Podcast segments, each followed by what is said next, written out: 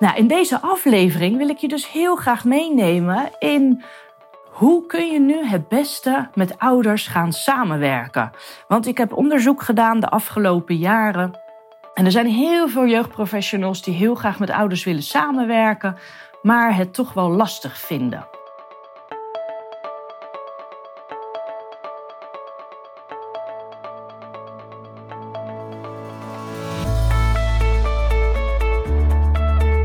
Welkom bij de podcast Jeugdzorg Next Level. Deze nieuwe podcastserie, Zekerder met Ouders, heb ik voor jou opgenomen, zodat je met nog meer zelfvertrouwen de begeleidingstrajecten kunt uitvoeren. Samenwerken met ouders is enorm belangrijk en voor veel jeugdprofessionals een uitdaging. Met deze podcast ontvang jij tips, inzichten en ervaringsverhalen om je werk meer diepgang te geven. Veel luisterplezier!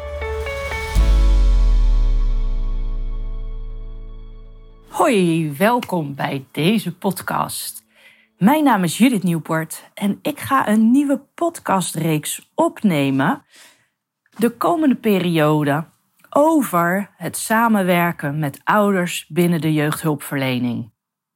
Ja, samenwerken met ouders binnen de jeugdhulpverlening, dat klinkt natuurlijk heel logisch. En toch blijkt het niet logisch te zijn dat je een goede samenwerking hebt met ouders. Het gaat zelfs zover dat ze in de politiek een heel plan hebben voor de komende vijf jaar met een toekomstvisie. En in die toekomstvisie staat dat het belangrijk is om samen te werken met ouders.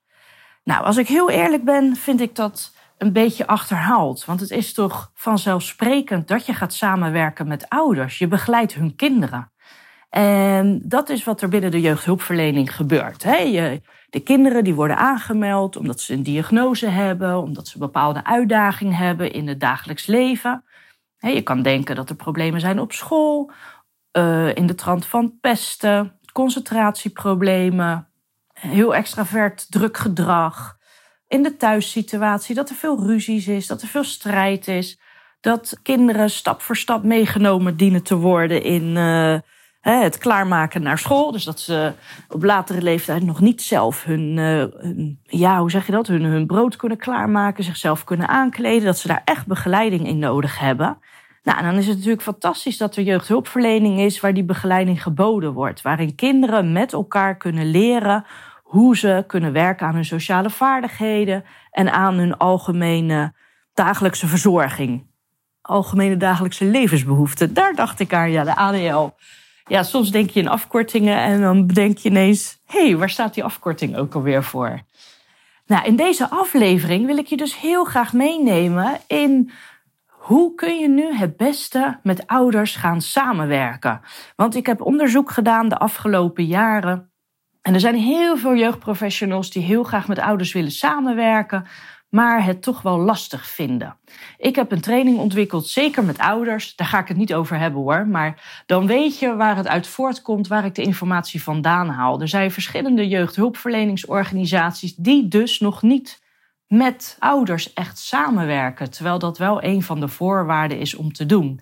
Veel mensen gaan het nog uit de weg uh, weten niet zo goed hoe ze dat kunnen aanpakken en houden het heel kort bij een bepaalde overdracht. Terwijl je toch als jeugdhulpverlener, je komt bij de mensen thuis vaak, je ziet heel veel, je hoort heel veel van de kinderen.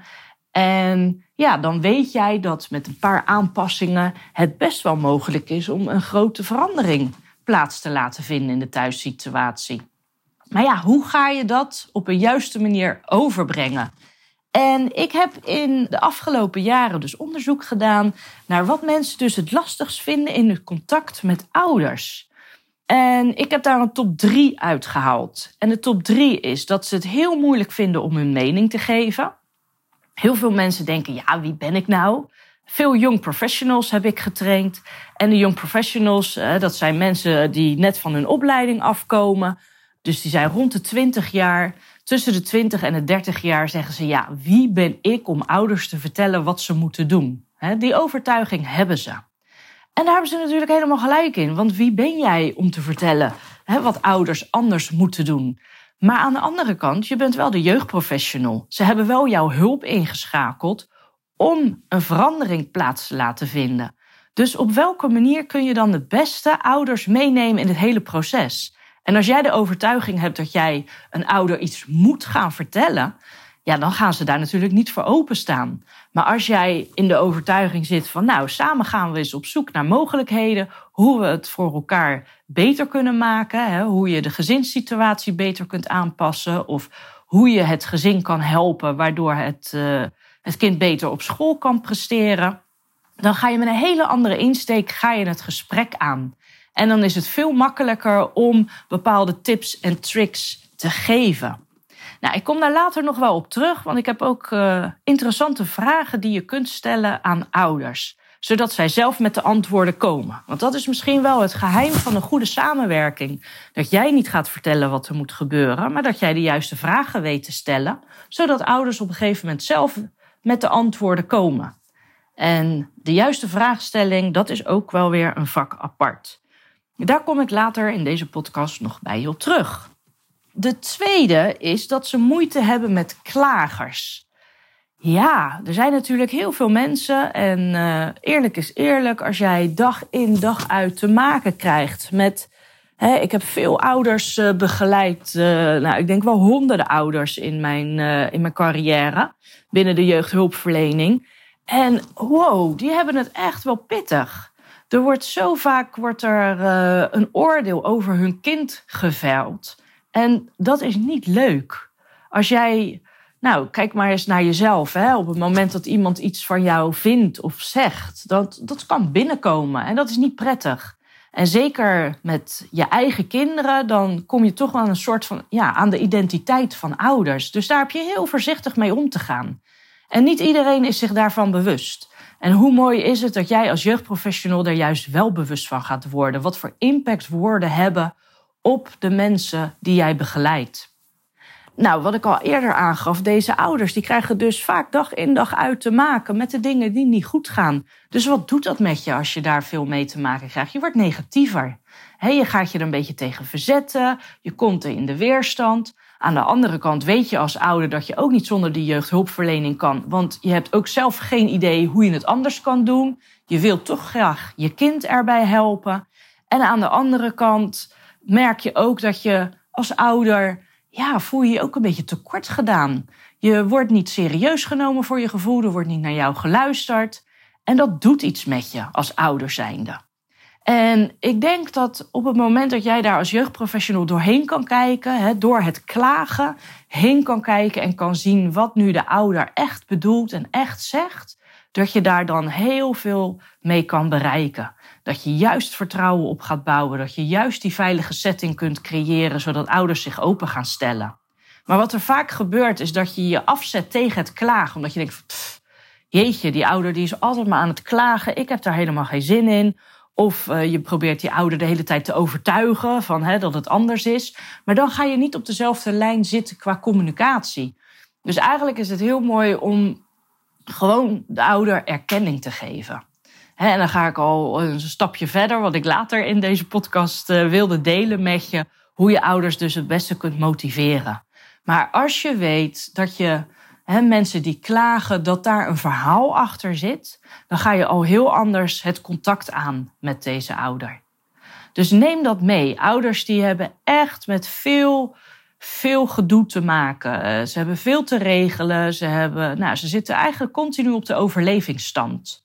En als je dat weet, dan kun je daar rekening mee houden. En dan kan jij daar ook misschien in jouw begeleiding ook een andere ja, uh, wending aan geven. En daar wat meer aandacht aan geven. Om, te, om ervoor te zorgen dat ouders minder in die overlevingsstand hoeven te staan.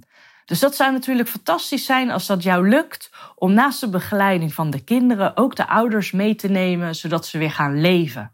En daar geef ik je straks een aantal tips voor wat je daarmee kan doen en hoe je dat kan aanpakken. Nou, dan gaan we naar de derde. Dat is dat heel veel mensen het een uitdaging vinden om nee te zeggen, om hun grenzen aan te geven. Kijk, er zijn natuurlijk ouders die ook hè, wat meer voor zichzelf durven op te komen en ja, jou ook misschien wel gaan zien als een verkapte oppas op het moment dat jij ambulante begeleiding in de thuissituatie geeft voor de kinderen en ouders zijn er niet bij, dat ze dan de vragen of jij uh, Pietje van school wil halen. Nou, en als jij dat iedere keer doet, maar jij voelt van nee, dat is niet mijn rol, dat is niet mijn plek, dan heb je dat wel met elkaar te bespreken. En op het moment dat je dat dus niet durft aan te kaarten, dan gaat er een soort afstand ontstaan tussen jou en de ouder. Het zit jou niet lekker, want jij doet iets wat, wat je eigenlijk niet wilt, waar je eigenlijk niet achter staat, maar je durft het niet te benoemen. Dan ga je onbewust een afstand creëren. Want ja, je gaat je daar toch aan irriteren. Misschien herken je dat wel, ook in je privésituatie. Dat je toch vaak ja zegt, maar een nee voelt. En op het moment dat je dat heel vaak doet, ja, dan neem je eigenlijk jezelf niet serieus genoeg. En op het moment dat jij jezelf niet serieus genoeg daarin neemt, dan betekent dat ook dat dat hè, een beginnende start kan zijn van een burn-out. En het klinkt misschien wel heel zwaar, maar dit zijn wel de basisdingen die heel belangrijk zijn. Dat jij voor jezelf goed weet wie ben jij, wat kan jij en wat is jouw rol. En op het moment dat jij daar helemaal goed achter staat, dan kun je veel beter ook voor jezelf opkomen. En op het moment dat jij voor jezelf opkomt, je bent wel een rolmodel. He, mensen kijken ook naar jou op, onbewust. Want jij doet daar verder niks voor, je bent wie je bent. Maar mensen zien jou toch als een rolmodel. En hoe mooi is dat als jij kan laten zien dat jij voor jezelf opkomt. Hè? Want dan kom je over als een, een man of een vrouw met veel zelfvertrouwen. En dat is vaak waar ouders ook behoefte aan hebben. Mensen met zelfvertrouwen. Want op het moment dat ze mensen om zich heen hebben met zelfvertrouwen, kunnen ze daar ook zich aan optrekken. Dat ze denken: oh ja, dit voelt goed, dit voelt stevig. Ik ga er ook voor dan willen ze zich nog beter inzetten. Maar op het moment dat ze een onzeker iemand tegen zich over hebben zitten, dan voelen ze dat. En waar we toch ook heel vaak een oordeel over hebben, is dat de meeste jeugdhulpverleners ook jong zijn, zelf nog geen kinderen hebben. En dat heel veel ouders zoiets hebben van: ja, maar hallo, wie ben jij om mij te vertellen wat, uh, wat ik moet veranderen? Je hebt zelf geen kinderen, je hebt zelf nog geen levenservaring. Dus jij moet harder werken om toch jezelf goed neer te zetten en te profileren. Aan de andere kant, eerlijk is eerlijk, ik heb zelf uh, natuurlijk ook jarenlang geen kinderen gehad. Ik heb nu sinds anderhalf jaar een dochter. Maar daarvoor heb ik ook jarenlang geen kinderen gehad. En ouders zeiden juist tegen mij: Ik vind het juist fijn. Want dan kan jij toch vanuit een schone perspectief kijken, vanuit een ander perspectief kijken naar de kinderen en naar mijn rol als ouder zijnde. Dus ik heb er eerlijk gezegd niet zo heel veel last van gehad. Of eigenlijk helemaal geen last van gehad. Ouders die vonden dat. Nou, ik vroeg het aan ze. Aan een aantal van, hè, vind je het zelf niet uh, vervelend? Uh, dat, want ik heb natuurlijk helemaal geen kinderen. Of ik benoem het al naar ouders. Hè, van joh, ik kan helemaal niet vanuit ervaring praten. Want ik heb zelf geen kinderen. Dus ja, ik vind het heel moeilijk om je hierin advies te geven. Nou, ouders die zijn echt wel open, ontvankelijk voor ondersteuning. En ze hebben wel te voelen dat jij ze erkent als ouder. Dat jij ze erkent in de rol van vader en moeder. Nou, dat is gelijk een tip die ik je wil meegeven. Dat is het allerbelangrijkste. Op het moment dat jij ze helemaal respecteert zoals ze zijn, voelen ze dat.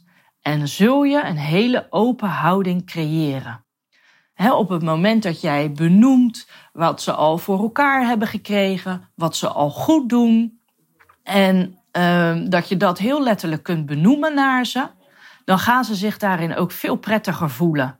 En dan voelen ze zich gezien en gehoord. Dus dat is een tip die ik je echt mee wil geven. Want hoe gaaf is het dat je met ouders een hele leuke samenwerking kunt creëren?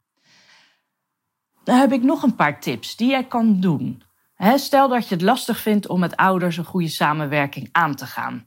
Je denkt, ja, hoe ga ik nu beginnen? Hoe ga ik starten? Wil ik je laten nadenken over het doel? Wat zou jij graag voor dit gezin willen bereiken? Dus neem een gezin in je gedachten. waar je nu begeleiding bij geeft en waarin je merkt dat het een beetje stagneert. Wat wil jij met dit gezin bereiken? En op het moment dat jij dat voor jezelf weet, dat kan bijvoorbeeld zijn dat je wil dat ze weer meer begrip voor elkaar hebben, dat er meer acceptatie is, dat er veel minder strijd is, dat het weer gezellig is, dat ze weer kunnen lachen. Op het moment dat jij iedere keer met dat doel voor ogen naar het gezin toe gaat, zul je ontdekken dat je die vibe meeneemt en dat mensen dat van je over gaan nemen. Het tweede wat je kunt doen is het stellen van de juiste vragen. Wat ik al eerder zei, ouders worden vaak dag in dag uit geconfronteerd met het negatieve gedrag van hun kinderen. Daar ligt de focus op op de een of andere manier bij heel veel mensen. En het is aan jou de taak om de focus juist te leggen op wat goed gaat. Waar is een kind goed in? Welke momenten pakt hij, pakt hij of zij de dingen goed aan? Wat zijn de lichtpuntjes van bepaalde situaties? Op het moment dat jij dat iedere keer kan terugkoppelen aan de ouders, van hé, hey, ik heb gezien dat Jantje nu met Pietje heeft gespeeld. Of je hebt bijvoorbeeld gezien dat een kind vijf minuten lang zijn huiswerk heeft gemaakt en zich wel vijf minuten lang kon concentreren. Benoem dat soort dingen expliciet en vergroot het uit. Benoem het naar de ouders, geef het terug wat je hebt gezien. Het is namelijk zo, op het moment dat jij alleen maar gefocust bent op wat er niet goed gaat, zie jij niet wat er wel goed gaat. En op het moment dat jij ziet wat er allemaal goed gaat, dan ga je dat uitvergroten. En wat doet dat met een ander? Op het moment dat jij dat teruggeeft, ook aan het kind zelf, hè, die jij begeleidt van wat er allemaal goed gaat. Een kind gaat groeien, een kind gaat opbloeien, die voelt zich gezien en erkend. Want het is natuurlijk helemaal niet leuk om dag in dag uit geconfronteerd te worden met je eigen uitdagingen.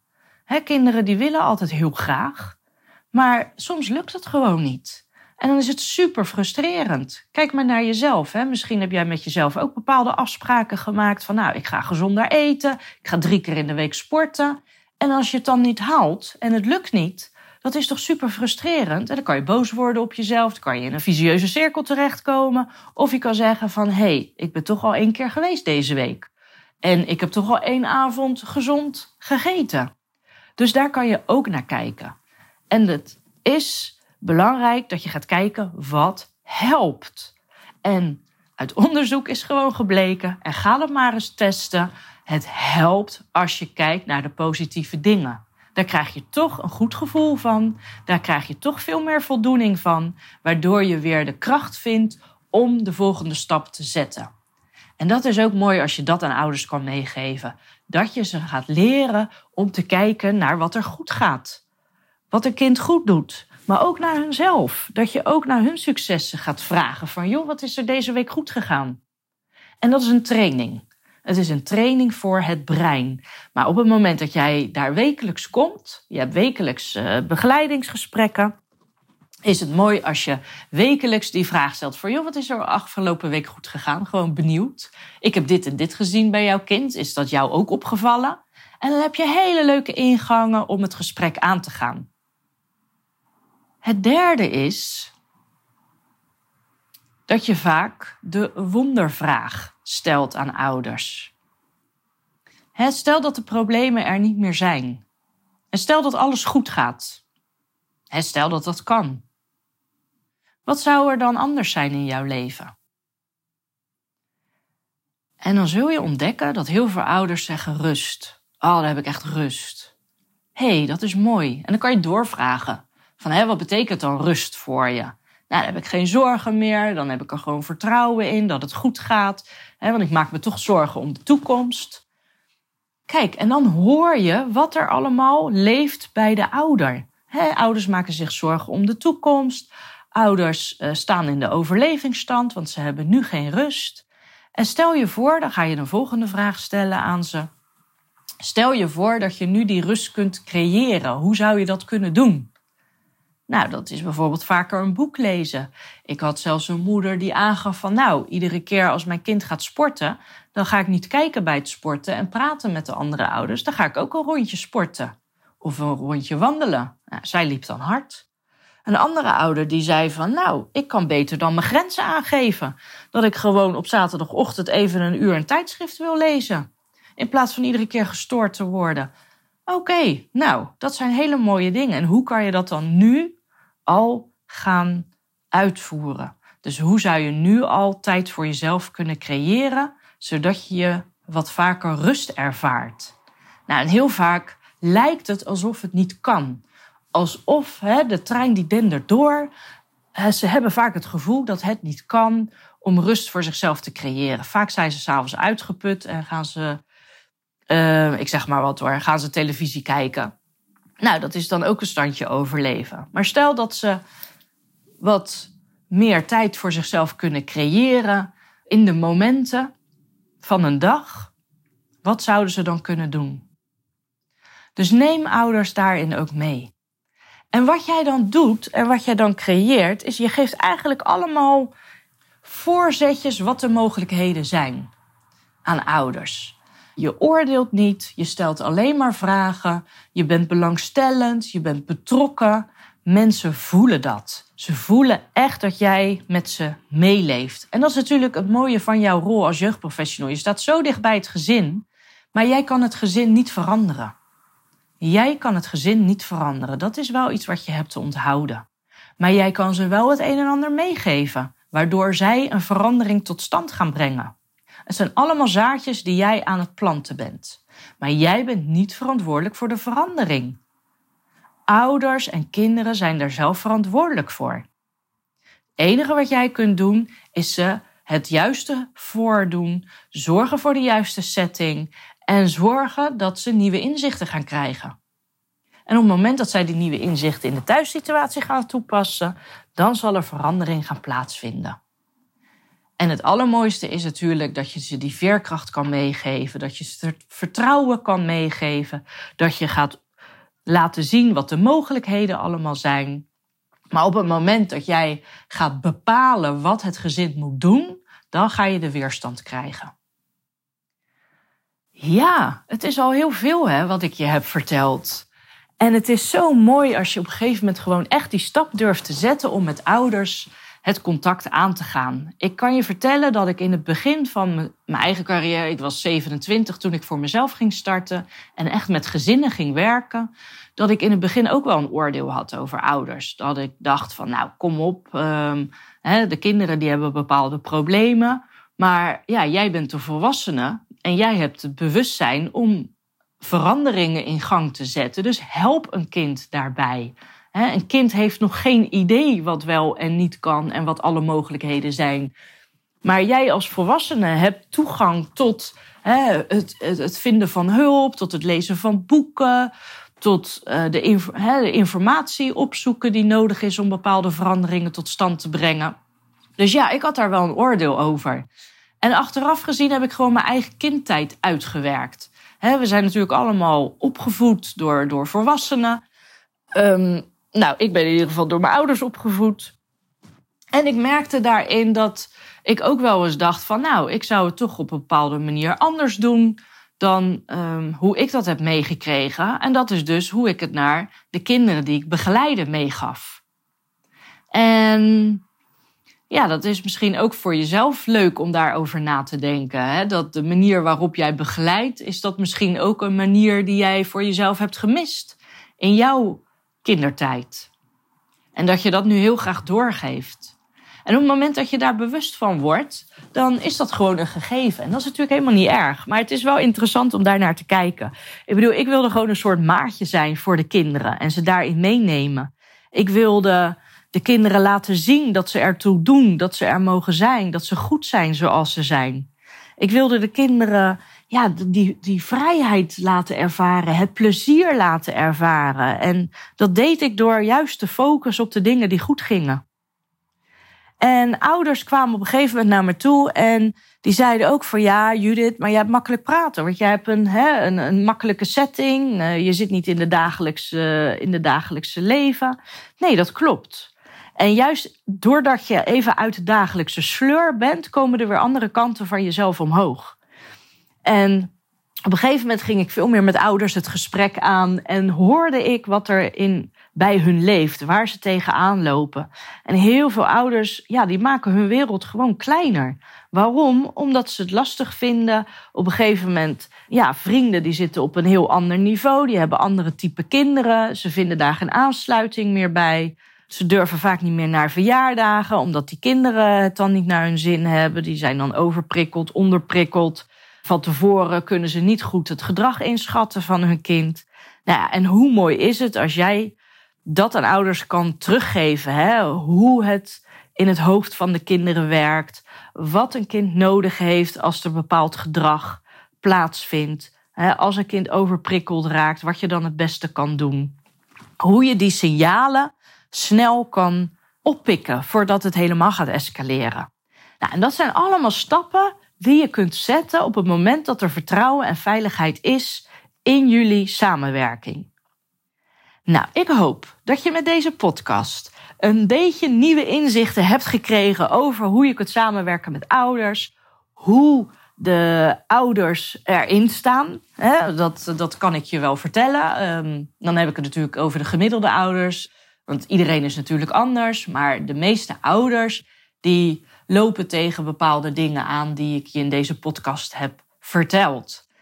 En ik hoop natuurlijk dat je de tips kunt toepassen, zodat jij met vertrouwen de gezinnen weer gaat begeleiden. En dat jij het plezier, maar ook de doelen kunt behalen die nodig zijn om uh, ja, een succesvol begeleidingstraject af te ronden.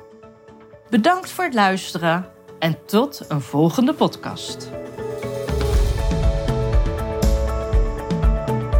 Dit is alweer het einde van deze podcast. Ben jij geïnspireerd geraakt en wil je ook groeien naar jouw next level? Kijk dan eens op de website www.hkcacademy.nl voor meer informatie over trainingen, events en de laatste nieuwtjes.